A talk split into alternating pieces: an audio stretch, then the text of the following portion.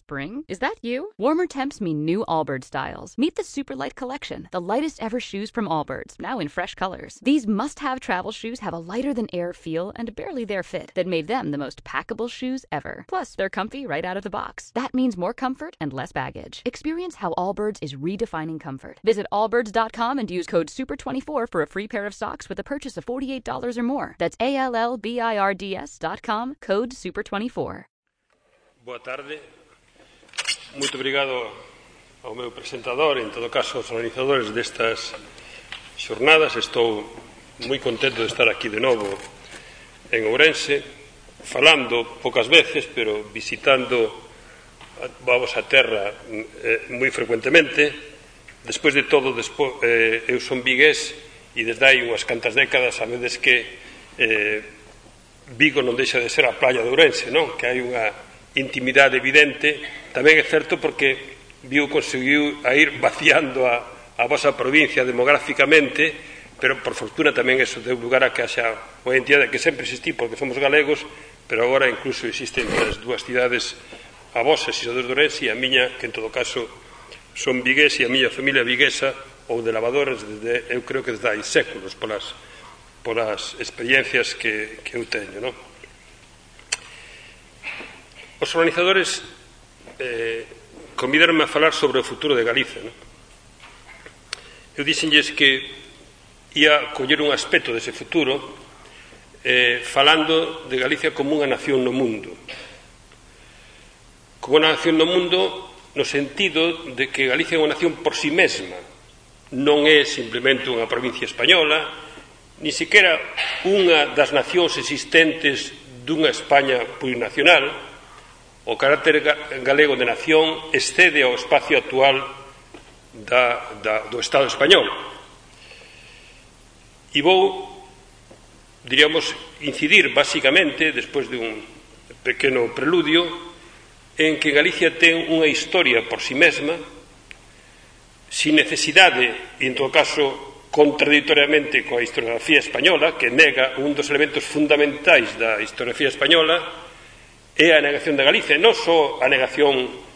eh, diríamos, da Galicia medieval. Sin a Galicia medieval non se entende para nada a historia da península, nin o Estado español, nin Portugal, senón, por exemplo, unha cousa que acaba de recordar o compañeiro sobre a guerra contra Napoleón, efectivamente. Napoleón, o primeiro lugar de Europa que derrotou a Napoleón foi Galicia. Eu teño incluso un libro eh, que cuxa noticia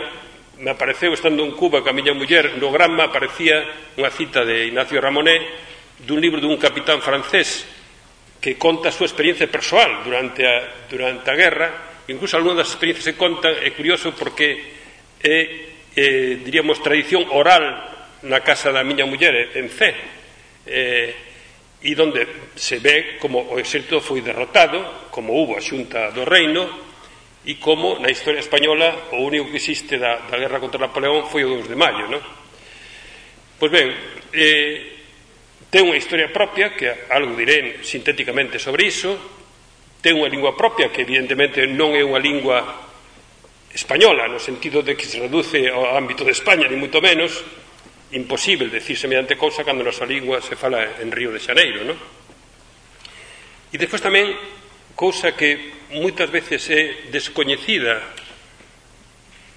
polos propios galegos, non forma parte da idea da Galicia que temos. Galicia neste momento é un país urbano e industrial sin desmercer en absoluto a cultura recibida, a cultura que mantiveron a nosa, a, a nosa economía e sociedade agraria e a pesqueira, sin desmercer en absoluto, incluso como sectores económicos de progreso hoxe en día, hoxe en día Galicia é un país urbano e industrial De tal maneira que ten unha industria que está entre as máis poderosas do Estado español, desde logo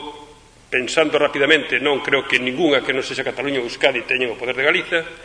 incluso posiblemente de Euskadi menos que Galiza aínda, e a economía galega é líder en moitos sectores económicos que son eh, ben coñecidos. Non?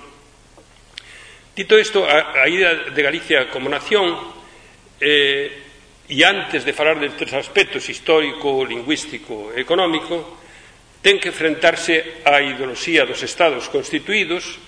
que negan realmente as nacións sin estado actuais de Escocia, Galicia, por Cataluña, Flandes ou Euskadi, etc., o Gales, e, e moi especialmente a ideoloxía do Estado español e de España como nación única, sin querer meterme estritamente no, na vida partidaria ni na loita política do Estado español este momento, vos sabedes que, por exemplo, o candidato do Partido Popular, digo el, pero podía decirlo calquer outro dos candidatos de todos os partidos, incluso dos partidos galegos, España sería unha nación desde os reis católicos, non? Para os galegos é ben fácil, se temos un pouco de setividade, desmentir isto, pero tanto a negación, neg, eh, digamos, interpretar o que é unha nación sin Estado contra a ideoloxía actual dos Estados constituídos ou interpretar eh, o carácter de Galicia como nación frente á idea incluso constitucional no artigo 2 do, da Constitución Española de España como nación única é algo previo incluso para pensar en Galicia como unha nación independente como unha Galicia eh, eh, eh, no mundo como acabo de dicer. Cando digo isto eh, Teño en conta, por outra parte, que hoxendía o nacionalismo galego non está actuando plenamente, incluso ás veces retea, diríamos, accións políticas nese sentido, desde o presuposto de Galicia como nación do mundo, tal como acabo eu de definila, por menos da miña definición sobre este carácter, non? O movimento nacional galego que naceu eh, no século XIX, a, media, a mediados do século XIX, foi toda unha experiencia de desprendimento da idea de Galicia como parte do Estado español e de búsqueda de unha nova noción de Galicia a través da construción de relacións políticas que poderán tomar o poder e practicar a autodeterminación. E comenzo por isto. Os estados eh, europeos, digo europeos porque a idea de Estado nació en Europa e e esta que ten referencia directamente con Galicia, non son contra o que creen a hidrosía, a hidrosía historiográfica dos Estados entidades predeterminadas. Foron o produto dunha serie de, diríamos, de circunstancias históricas, de loitas históricas, de aspiracións sociais tamén dese carácter, que se produciron para chegarnos a noso tempo durante a época moderna e contemporánea certamente con eh, raíces medievais de todo tipo, desde a constitución de nacións durante a Idade Media e antes da Idade Media, hasta incluso institucións que, transformadas na época moderna e contemporánea, teñen xa, eh, eh, diríamos, orixen en certos lugares de Europa durante a propia Edade Media. Por lo tanto, contra a ideoloxía, por exemplo, do Estado español, eses estados son eses, pero poderon ser outros totalmente distintos hai neste momento Europa pois, 40 tantos ou 50 eh, estados. Na Unión Europea hai 27 estados. A, en 1789 o momento da Revolución Francesa só 4 dos, de todos eles tiñan unha fasquía semellante actual que non totalmente igual á actual. Antes de, da Revolución Francesa os estados constituíronte en gran medida con baixo dous dous prismas, o prima das loitas dinásticas ou as herdanzas dinásticas e o prisma das guerras, das guerras que foron as que realmente crearon as fronteiras. Despois da Revolución Francesa, 1789, hai unha actuante que é a soberanía popular, soberanía a autodeterminación individual e colectiva no caso dos estados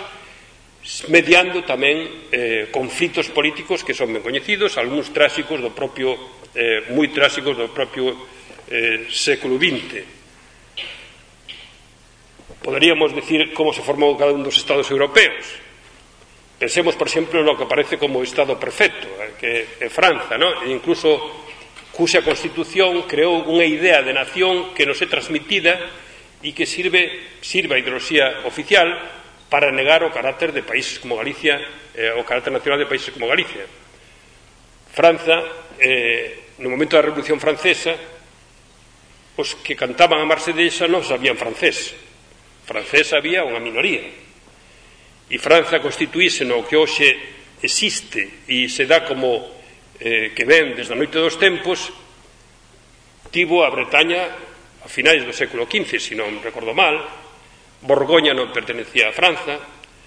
eh, a Cataluña do Norte, o Rosellón e a Cerdaña tampouco pertenecen a Francia, pasaron a pertenecer a Francia no século eh, XVII, a Saboya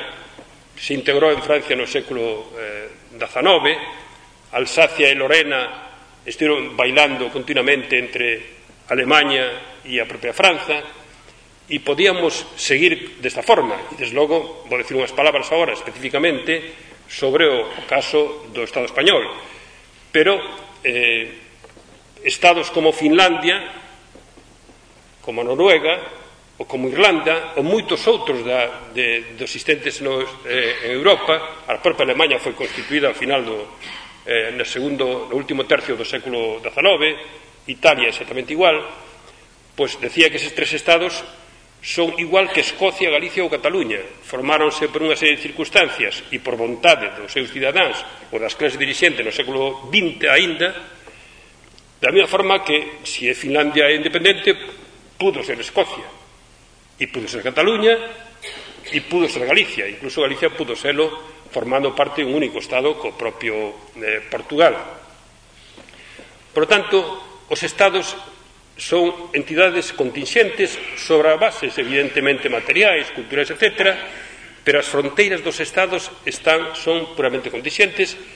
e antes e despois da, da, de 1739 formáronse mediante a guerra, basicamente, mediante as dinas, enlaces dinásticas e sin que a separación entre unha época e outra estese totalmente clara, e mediante a soberanía popular, popular despois eh, de 1700 89. Dito isto, despois foise constituindo e o modelo de Francia que dixe antes pois non é inocente nese sentido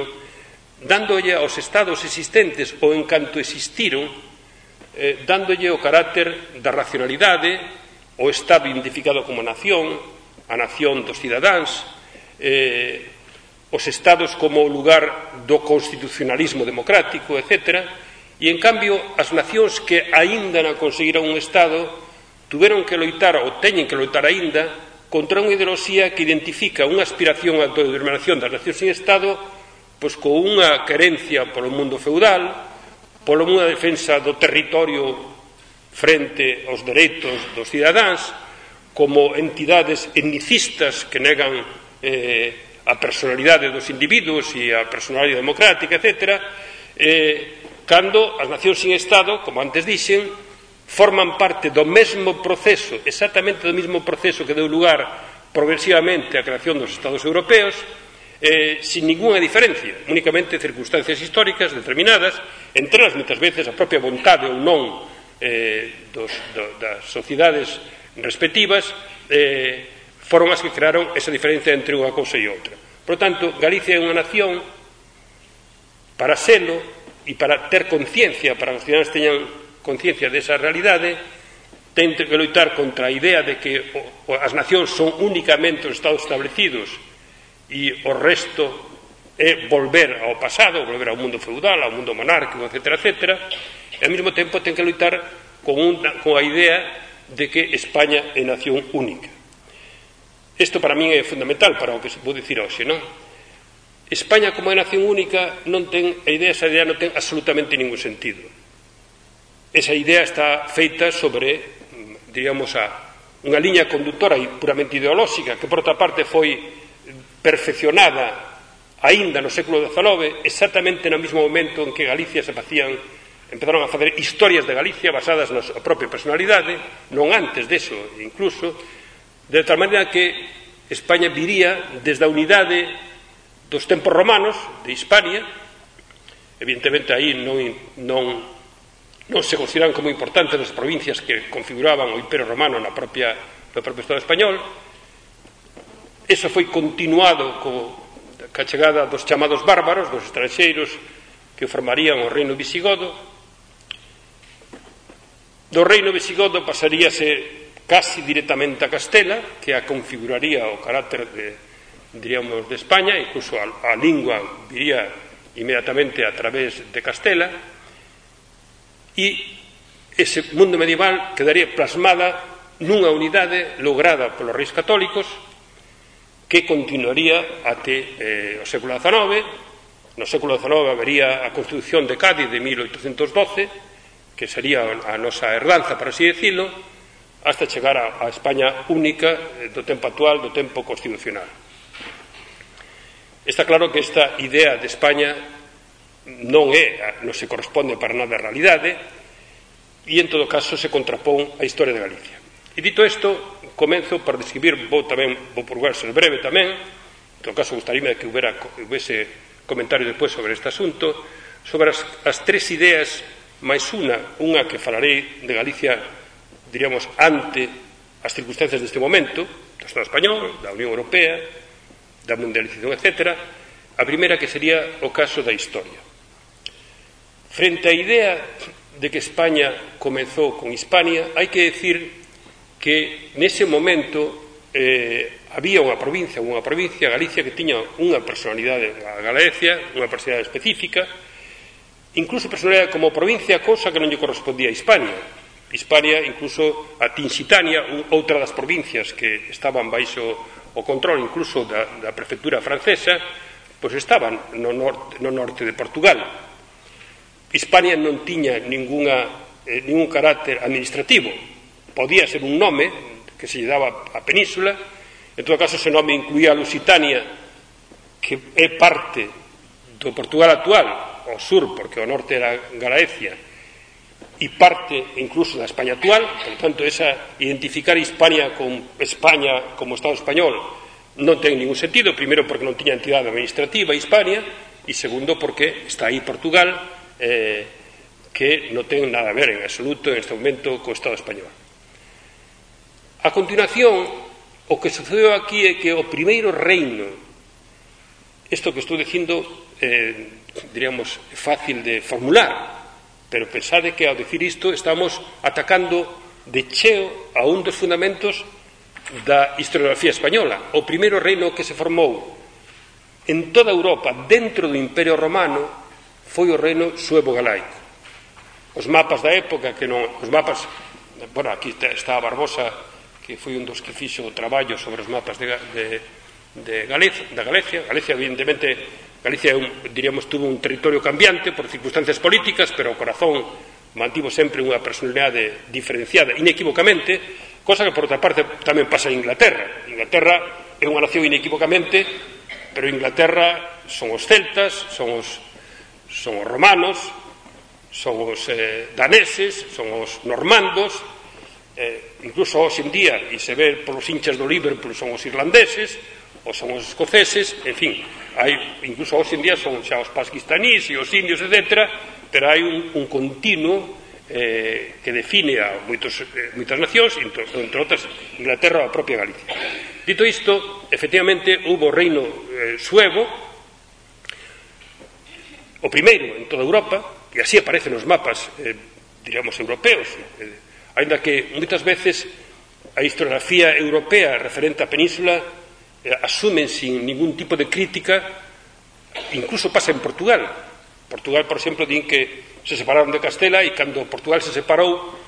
non había Castela. Outra, outra heresía. Portugal é antes que Castela.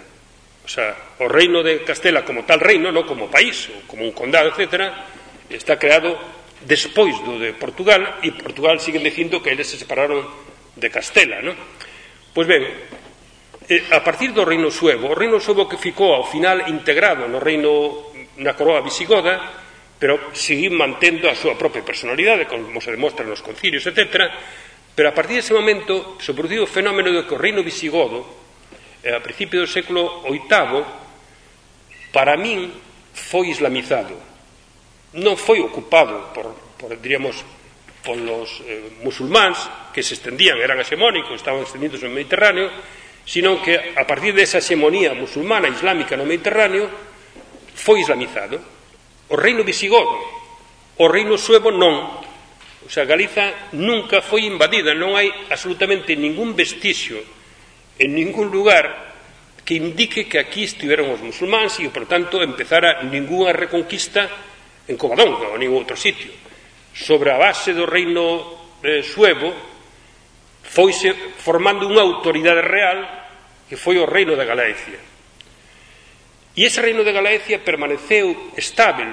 máis ou menos estável, co califato o reino da Lándalos que se formou no territorio non totalmente posiblemente, pero no básico do territorio do reino visigodo. A todo isto debo lembrar que o reino visigodo únicamente na mitade da súa historia pouco antes ou en coincidencia coa, coa diríamos coa incorporación do Reino Xogo a mesma coroa viu a Toledo pero antes a capital estaba en Francia estaba en Narbona, en Toulouse e por tanto chamarlle a eso un, un reino español é moi gratuito pero as historias españolas chamanlle reino español aos godos que chegaron aquí 50 anos despois dos suevos e en cambio os suevos que xa estaban aquí son estranxeiros o sea, esa é a lectura que se fai eh, na historia española non? Pois ben, eh,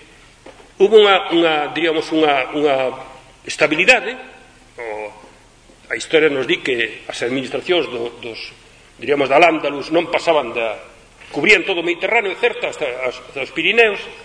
hasta perto dos Pirineos, pero non pasaban da Cordillera Central, na mitade occidental non pasaban da Cordillera Central, incluso a historia nos di que se tiña a Lisboa como a cidade máis a nor, ao norte de, de, de, de Al-Ándalus, na costa oeste, precisamente, non? Únicamente cando cesou a hexemonía no Mediterráneo do mundo islámico eh, e comezou, de alguna forma, o avance cristián,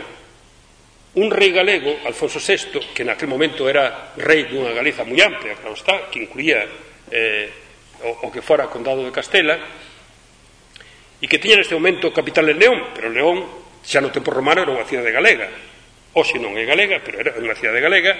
e ali están enterrados reis que inequívocamente eran reis galegos, moi especialmente a nai, a nai de Alfonso VI, a emperatriz Sancha, que naceu en, en, en, eh, en Betanzos, non? nunha das parroquias de Betanzos, eh, do Betanzos actual. Non? Entón, a partir de desa semonía, o rei Alfonso VI tomou Toledo, Toledo, reino taifa de Toledo, el casara e tiña ordeiro, estaba casado cunha, cunha princesa musulmana, o fillo mataron os almorávides na guerra de Euclés,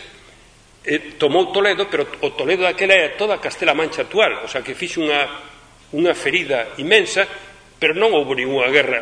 Pude haber guerras, pero non, houve unha, sobre todo unha hexemonía política, non, Da mesma forma que cando se, mus, se fixo musulmán o reino visigodo, hubo unha hexemonía cultural ou político religiosa, pero non hubo realmente grandes batallas eh, que expliquen o sucedido. E a partir de, aí empezou, isto foi no ano 1985, empezou un proceso de toma primeiro fixeron dependentes e toma dos reinos eh, taifas que acabou basicamente en, sobre 1250 en espera de Granada. Granada xa foi en 1492, moito despois. Por tanto, se hubo algunha reconquista, entre aspas, que non foi tan reconquista, foi entre 1085 e eh, 1250, aproximadamente, que foi a toma de Sevilla. Sevilla, por certo, no reparto de avance caro sur que había, tocaba o reino galego. O sea que foron os galegos realmente os que, os que tomaron Sevilla, incluso o arzobispo de Santiago, como a historia objetiva nos di claramente. Por tanto, a reconquista de oito séculos que forma parte da historiografía española, da épica española, non ten absolutamente ningún sentido. Insistir nisto é negar en, de séculos, negar séculos e séculos de historia de Galicia dunha Galicia independente, non? Nese momento eh, Galiza tuvo unha serie de, de, de, de a historia galega tuvo unha serie de, de movimentos complexos pero até 1230 non perdeu a independencia. Antes de 1230 foron reis dous reis os que chaman agora Fernando II eh, e Alfonso IX realmente eran Fernando I e Alfonso VIII pero non vou entrar en detalle sobre isto dous reis que foron reis de un reino xa separado porque o seu o seu eh, o seu pai, o pai de Fernando II e dun doutor rei de Castela, separou os reinos entre Galicia e Toledo, Castela e Toledo un e Galicia e, e, e León outro, e hubo reis que non, non eran xa reinos tan, eh, reinos tan extensos, e están enterrados en Santiago de Compostela, como ben coñecido, e no seu reinado pois, non, non solamente apareceron maravillas como Portugal de Galoria, sino que foi o momento de expansión do galego como lingua romanza, desde o latín romance, como lingua de cultura. Lingua de cultura que se expandiu desde Santiago de Compostela como cidade xemónica, a Escola de Santiago, que foi precursora tamén da Universidade de Salamanca, que foi a Universidade de Salamanca era unha universidade galega durante toda a Idade Media, eh, eh, e estes reis son inequívocamente galegos, por moito que na historia aparecen como únicamente reinos de León, reinos de León, que León era a capital do seu reinado, pero evidentemente en León falábase galego, non, non se falaba leonés, o sea, o romance dese reino, por moito que hubiera romances diferenciados, era claramente o romance eh, galego. Un fillo de Alfonso IX era tamén fillo dunha princesa castelá, a primeira muller, que eh, anulou o Papa o reino, o Papa non lle gustaba nada a Alfonso IX porque era o que tiña eh, diríamos, o rei de Santiago de Compostela e Compostela significaba unha alternativa eh, a propia Roma, Roma, Xerusalén e Santiago de Compostela, e tuvo fillos con esta princesa, pero antes tivera outros fillos con unha princesa portuguesa, a irmá do rei de Portugal, e ese Alfonso IX tuvo a desgracia de que, de que dúas desgracias, unha, primeiro, o, herda, o, her, o herdeiro, que tamén está enterrado en Santiago,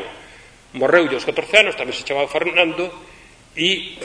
a súa muller separada eh, despois de estar casado con Teresa de Portugal,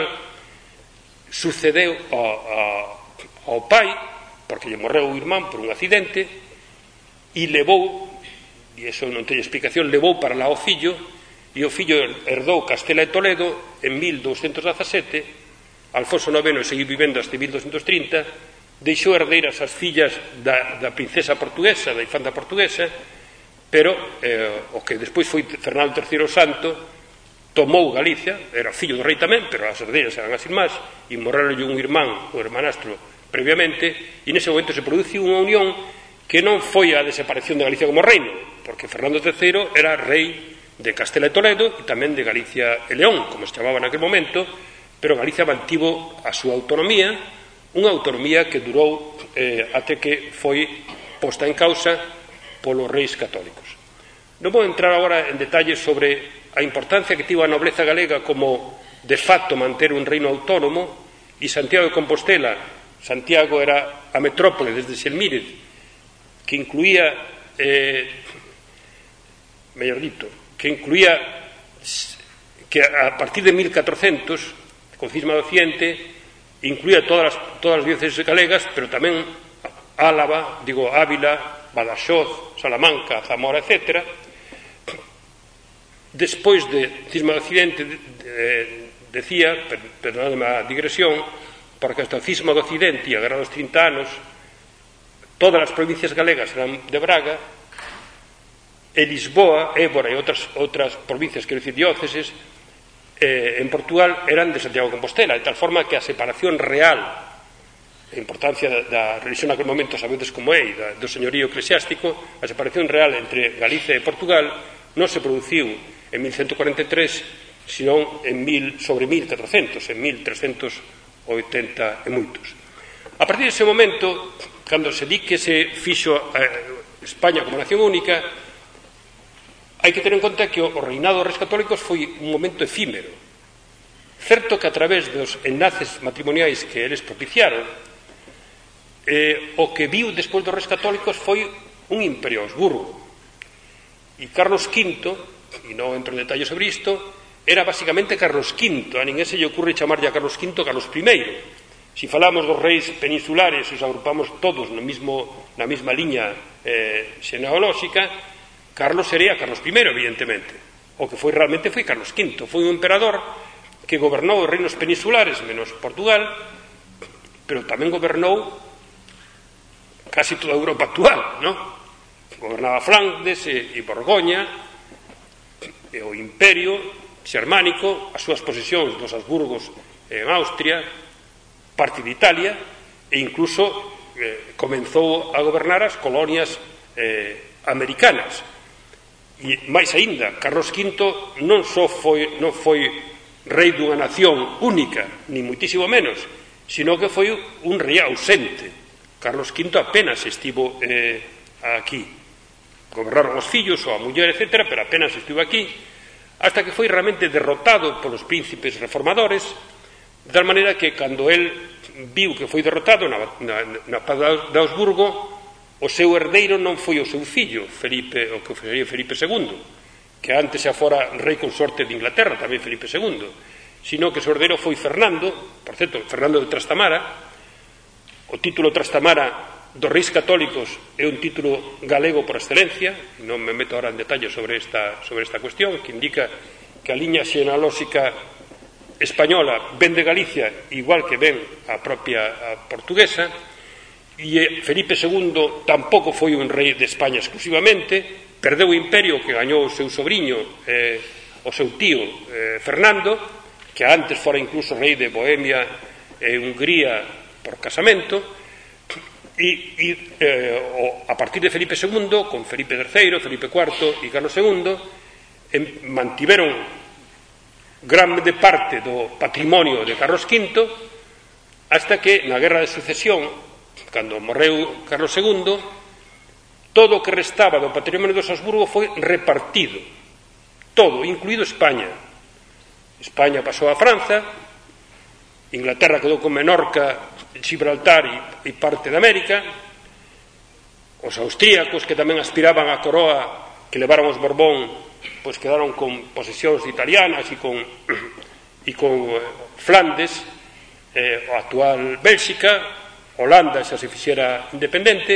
de tal maneira que pasaron a gobernar os Borbón, pero ao principio incluso gobernados desde París, pero como unha dinastía estranxeira máis aínda, os, os Borbón, da parte disto, tamén conservaban posicións en Italia, etc., e logo as americanas, pero tampouco se produciu unha, unha, un acontecimento que nos indicara que eh, España era eh, unha nación única. Cando chegou o problema con Napoleón, Napoleón invadiu eh, España, non viña a, a, a España, viña a Portugal. Puxérase de acordo con Carlos IV, o Borbón Carlos IV, para entrar por España invadir Portugal para repartirse Portugal. De feito, chegaron a Portugal, pero por unha serie de circunstancias tamén ocuparon España e empezou a guerra napoleónica, ata que chegou un momento que Carlos IV e o seu fillo Fernando, o chamado Fernando VII, entregaron a coroa a Napoleón porque era o xefe da familia, Os Borbón franceses eran os xefes da familia e eles os dous entregaron a coroa a Napoleón, demostrando de que realmente a coroa española era de alguna maneira un feudo francés. Entregaronlle sin forza efectivamente e as tornas comenzaron a cambiar aquí no Estado español cando hubo levantamentos e o principal foi en Galicia justamente non? como se acaba de, de lembrar. Incluso os galegos axudaron moito a derrotar aos, aos, as tropas francesas no propio no propio Portugal. Chegou Fernando VII o rei que foi querido polos, polos eh, constitucionalistas de Cádiz est, est, viviu anos e anos en Franza pedíndolle incluso a Napoleón un matrimonio con algunha parenta de Napoleón eh, loubando a Napoleón nas batallas que levaba en toda Europa E cando chegou aquí, cando foi derrotar Napoleón, practicou a política da volta do absolutismo, cortoulle a cabeza a todos os liberais, e empezou aí un proceso dunha monarquía caciquil que de nación non tiña absolutamente nada, e que estaba gobernado polo exército, a Iglesia Católica, de tal maneira que os partidos turnantes liberais e, e progresistas ou conservadores tomaban o poder simplemente cando o rei lles daba a capacidade de ser primeiros ministro, facían eleccións fraudulentas e gobernaban hasta que a rei ou a raíña determinaba que deixaran de gobernar. Os dous últimos séculos únicamente houve no Estado español dous momentos democráticos hasta chegar á Constitución do 78, que foron o sesenio revolucionario democrático entre 1868 e 1874 e a Segunda República fracasada polo levantamento de, de Franco. Excuso de decirvos que eu debo dicir neste momento, cando se fala de que Franco era galego, que efectivamente Franco era galego, pero a persoa que representaba o goberno español cando el se levantou tamén era galego, que era Casares Quiroga, e tamén era galego eh, Portela Valladares, que lle entregou o poder a Frente Popular eh, nese mismo ano 36 cando gañaron as eleccións dentro deles o Partido Galeguista eh, xustamente cando era radical cando lle pedía xa que non entregara o poder a Frente Popular e ele entregou no e despois estivo no exilio a pesar de que non formaba parte do Frente Popular. E por tanto a primeiro momento o primeiro momento democrático continuo e serio recoñecendo de alguma maneira a diversidade nacional do Estado español por acción dos nacionalistas galegos, vascos e cataláns foi eh, o que se iniciou en 1978. Nese momento, evidentemente, os que loitamos porque Galicia tuvera o estatuto de autonomía sabemos que o facíamos para crear un espacio nacional galego e nese momento ese espacio nacional está nun equilibrio inestável entre a realidade que existe un poder autónomo determinado e unha ofensiva continua e en certos momentos crecentes por recuperar o carácter dun Estado uniformizador e centralizador eh, como se empezou a, a pensar e a establecer no propio século eh, XIX. Pois ben, eh, a realidade é que o Movimento Nacional Galego naceu, como dixen antes, no mesmo momento que se establecía a idea de España como nación única no século XIX e que incluso naquele momento xa se daba a Portugal como un girón desprendido de España de forma irracional porque España estaría definido pola xeografía e pola historia.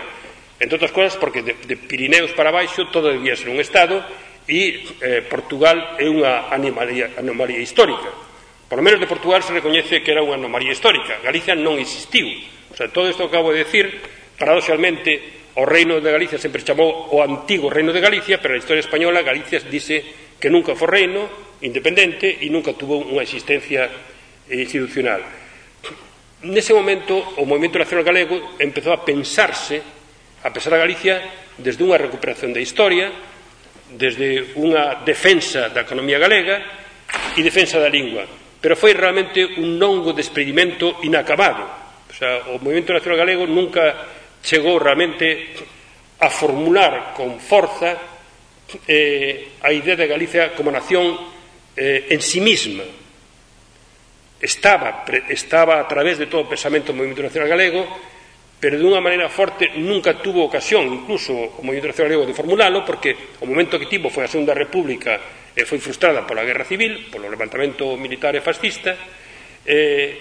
e realmente cando empezou a, a Constitución de 68 creouse un Espacio Nacional Galego, pero ainda estamos nese proceso de desprendimento, por así decirlo. Non? E unha das cuestións que necesita un desprendimento é a cuestión da lingua. Non? aínda agora eh, dentro do propio nacionalismo galego hai unha enorme timidez a falar claramente e a reivindicar incluso como un elemento de autoestima a idea de que Galiza ten unha lingua que a través do galego portugués, é dicir, da nosa lingua, é tan universal como o castelán. Se non fose o eh, universal como o catalán, nós reivindicaremos, eh, sería reivindicada por nós do mesmo xeito. Pero resulta que é nacional, é propia e nacional e ao mesmo tempo unha lingua universal que se fala en varios continentes. De tal maneira que eh, un vai a Brasil, como ben sabedes, nos acabamos de estar agora no Foro Social Mundial de Belén, de Pará, vas ali, tens que falar, procurar falar un galego un pouco correcto, claro, porque senón a eles non lle gusta que se fale mal a súa lingua, non? Pero eh, a xente enténdete perfectamente, compréndete, estás ali tan, tan cómodo como pode estar en Argentina falando castelán. Eu teño un sobrinho que está neste momento facendo un traballo de cooperación en Mozambique, é nacionalista, eh, é licenciado en Ciencias Mariñas, e cando foi alá dicía, bueno, cando escribiu, mandou un, un correo electrónico dicindo, eu creín que viña aquí para aprender portugués, e resulta que falan galego en Moçambique, non? Efectivamente, en Mosambique o galego que falan é como a fala a xente nosa daqui de Bayona ou do Grove ou de Fisterra, é exactamente a mesma lingua. Pero en lugar de loitar neste sentido francamente e abertamente, unha parte do galeguismo eh, na transición contra a idea de Castelao e de Murguía, ainda que non a practicaron plenamente, eles decían que o galego e o portugués eran a mesma lingua, iniciouse un camiño diverxente na normativa que de todas formas si de alguna forma purificaron o galego de, diríamos, de castranismos, etc., esa, esa purificación non sería posible sin a asistencia do portugués, por moito que queren desviarse do portugués, se non chega a ver o portugués, non poderían facelo, non poderían facelo, o sea, realmente esa, esa normativa oficial é devedora do propio portugués que queren, por así decirlo, evitar, hubo esa deriva, e aínda en minoría neste momento hai unha deriva racional, inteligente que ten en conta as circunstancias actuais que di que o galego e o, e o portugués, o galego portugués que chamamos eh, moitos son exactamente a mesma lingua. E nese sentido eh, Galicia ten unha historia diferente e, eh, diríamos da, da que se ten por oficial no Estado español e ten unha lingua que non é española é galega. É galega pero non é española. Por tanto, nós non, non somos simplemente ni muitísimo menos unha parte de España. O valor tanto máis eh, importante cando neste momento se dá a circunstancia que dos 230 30 millóns de habitantes do mundo que falan galego-portugués unha boa parte falan en Brasil galego e temos a fortuna de que Brasil é un dos estados emerxentes no mundo un dos estados cando un vai a, a, alá con a, os ollos abertos dase conta de contra a idea que nos educaron a, con que fomos educados aquí Latinoamérica, Hispanoamérica non é, non é un lugar onde se fala a nosa lingua. É dicir o castelán o lugar do castelán é tamén do castelán. Pero se está salido este conta de que cando se fala realmente en Latinoamérica o estado importante é Brasil e o resto pois, son estados satélites todos son os importantes pero o centro de Latinoamérica contra o que a idea que nos inculcaron está precisamente no Brasil e además Brasil está en dos estados emerxentes no mundo e poderosos que está demostrando sobre todo co goberno de Lula ata que punto eh, é un estado fundamental en Latinoamérica, en América eh, e no mundo inteiro. Evidentemente o reto de recoñecernos como falando a mesma lingua sin que iso signifique ni moito menos que o galego perda a súa diferenza eu non estou de acordo cos lusistas que din que nós o que temos que facer é pasarnos ao portugués, é dicir, ao portugués de Lisboa, porque de pasarnos, en todo caso, a un portugués, eu prefiro do Río de Xaneiro, non? O sea, o galego é diferente, é a mesma lingua que o portugués, pero nós non temos que falar aquelo que lle fixeron falar os profesores do Estado, Espalo, do Estado, do Estado portugués aos meninos do norte de Portugal dicindo que non se di a chuva, que se di xuva eh, e ese, ese tipo de inculcacións que son simplemente unha das variantes do portugués, que é o portugués de Lisboa non é ni siquiera dominante e non é a galega. Nos temos a mesma lingua, pero debemos falar ben, pero falamos coa forma nosa, que en todo caso, se si falamos moi ben, cada vez se aproximará máis a, a formas portuguesas, americanas ou europeas, entre outras cosas porque se si poñedes a, a orella eh, cando a xente está falando na feira de C un domingo pola mañan, cousa que vos aconsello, porque ali nesa feira fala absolutamente todo, todo mundo en galego, os nenos e os maiores, o, que fa, o galego que falan a, a, ali é máis portugués que o do Río de Xaneiro. Non? E dito isto, hai un terceiro elemento que é o seguinte, contra a idea de Galiza que nos inculcaron de Galiz pobre esencialmente, eh, que non podería vivir sin España, a realidade actual é que salvada en parte a marxinación que sufriu Galicia durante toda a historia moderna e contemporánea e non me meto non me podo meter realmente como foi a Galicia da Edade Moderna cando Galicia foi decapitada por os católicos pero a nobreza galega as distintas partes da nobreza galega foi a nobreza máis importante na monarquía Habsburgo gobernando eh, gobernando no propia, na propia península e en todas as posicións, tanto en Europa, en Flandes, en, en Cerdeña, en Sicilia, incluso en Cataluña e Valencia, e desde logo en América. Non? Por lo tanto, eh, Galicia foi marxinada, esa marxinación levou a, incluso a destrucción de unha economía rural moi rica, do antigo réximen, pero que serviu para alimentar a moita xente e unha populación crecente, Durante a Revolución Industrial Galicia foi totalmente marxinada, o ferrocarril chegou moitos anos despois de cando debeu chegar.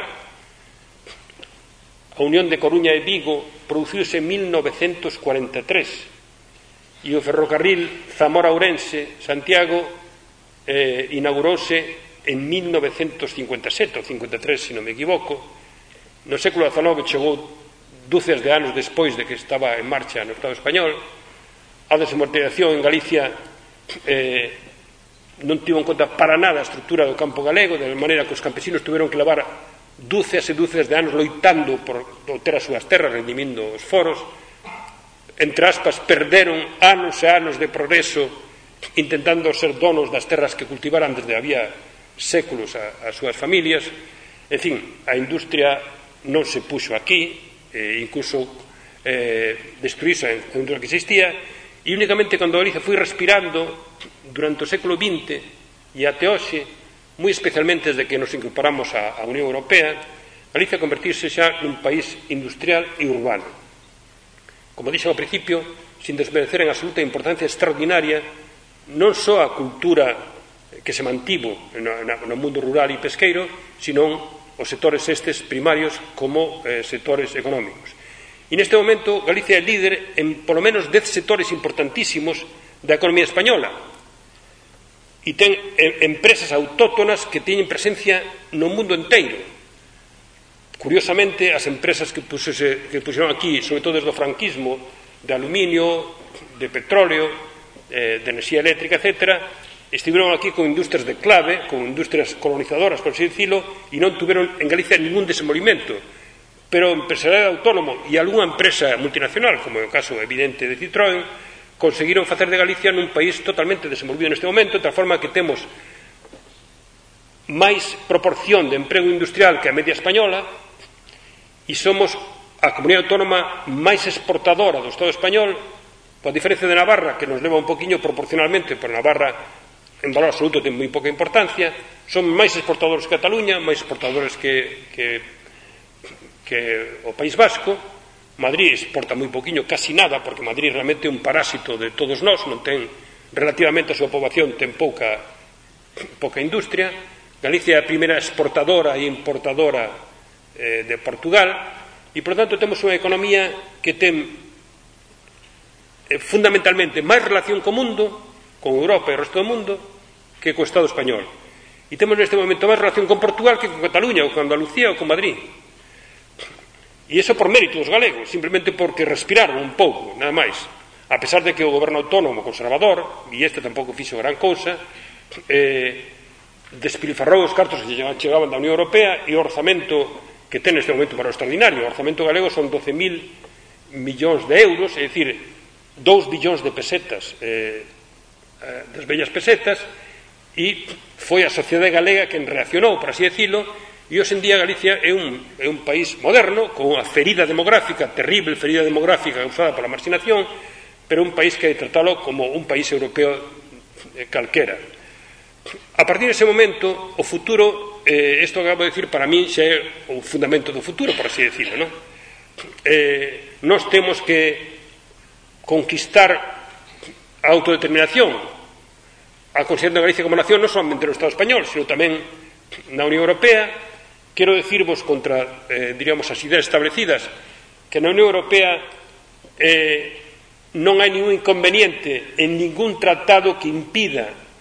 que unha nación da Unión Europea sexa recoñecida sendo independente como Estado da Unión Europea, é dicir, se Escocia un día se fai independente, como é posible, pode entrar na Unión Europea sin ningún problema, salvo que como nas, nas decisións importantes cada un dos estados ten dereito de veto, Chipre, por exemplo, non só Alemanha,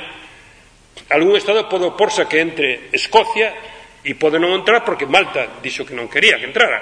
pero non hai nada que o impida. Por lo tanto, tampouco habería ningún inconveniente, non só hipotéticamente Galicia entrara como estado, sino, desde logo, ningún inconveniente a que se o Estado español se recoñece a sí mesmo como un Estado plurinacional, sexa recoñecido como Estado plurinacional na Unión Europea, Da mesma forma que será recoñecido se un día entra Suiza. Suiza é un Estado plurinacional, ten catro lenguas diferentes, se entra, as catro lenguas son recoñecidas como oficiais da Unión Europea. Como sería o galego, o catalán e o euskera, se o Estado español na súa Constitución dixera que o meu Estado ten catro linguas. En Europa non hai ninguna negación a isto, hai neste momento 23 linguas oficiais, son 27 estados, porque algunhas delas se repiten en varios estados, pero non hai absolutamente ningún inconveniente. Os galegos, respecto disto, temos a ventaxa tamén de que a nosa lingua sí que está recoñecida na Unión Europea. Eu estive, como sabedes, cinco anos de diputado europeo e falei en galego en prácticamente todos os plenarios que se celebraron en Estrasburgo ou en Bruselas, prácticamente en todos. Falei en galego. As mías palabras, falaba como estou falando agora, procurándose ser, sesear e facendo os plurales en, o, en ois como se fai desde Valdeorras hasta Ribadeo e prácticamente nada máis e falaba co galego que aprendí na casa menos aínda porque na miña casa como é natural en Vigo a miña aboa se seaba como, como todas as aboas da, de, da, da costa galega non? e non tuve ningún problema ningún o sea, un libro que teño publicado para aí ainda que non se refiren a eso aparecen as miñas intervencións sobre Galicia, como dixo o meu presentador pero tamén sobre Irak ou sobre, os, sobre Chechenia ou sobre a pobreza no mundo, sobre os inmigrantes que chegaban ás costas de Andalucía ou de Sicilia, etc. E aparezan minhas palabras na grafía portuguesa, lógicamente, que é a, a, a que é oficial ali. Pero a min ninguén me dixo que non falaran esa lingua. Eh? En canto eu me levantaba a falar no plenario, comenzaba, como estaba, diríamos eu estou ali como diputado español, comenzaba por un clásico obrigado, señor presidente, E nese momento os traductores portugueses ficaban calados, porque os que tiñan que traducir eran os outros, eles non tiñan non tiñan eh, a traducción ao portugués non se facía, evidentemente, o sea, os que, os que empezaban a traballar comigo tra, traducindo ao español eran os españois, os portugueses non, os que traducían ao portugués evidentemente non tiñan en absoluto ese traballo e non tiven absolutamente ningún problema. É dicir, na Unión Europea é posible que a nosa lingua se recoñecida, É posible que a nosa nación se, se recoñecida, dificilísimo isto, eh? pero é posible luitar por un Estado plurinacional e que se sexa recoñecido na Unión Europea, e en todo caso a Unión Europea é o lugar da nosa economía, incluso é o lugar para estar no mundo. Porque se hai algunha revolución entre os Estados na nosa época, esa revolución é o milagre da Unión Europea, Os estados que se constituíron durante séculos, basicamente mediante a guerra,